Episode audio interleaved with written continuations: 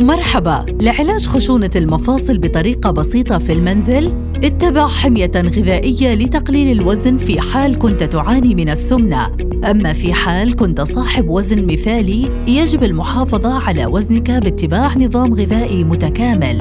تناول منتجات الألبان قليلة الدسم حيث أنها تتكون من فيتامين د والكالسيوم والتي أثبتت فعاليته في تحسين حالة المفاصل والعظام. احرص على تناول الليمون والفواكه الحمضية بشكل عام وأيضاً الأسماك الغنية بأوميغا 3 مثل السردين والتونة ولا تنسى أن تضيف الثوم لوجباتك والذي أثبتت فعاليته في تقليل تلف الغضاريف. تجنب تناول الملح والسكر المحلى سواء الطبيعي أو الصناعي كذلك الخبز الأبيض والأرز والأطعمة التي تحتوي على الدهون المشبعة.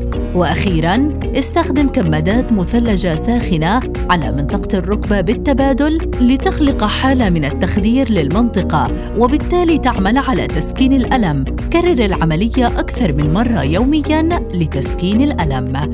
إلى اللقاء في وصفة علاجية جديدة.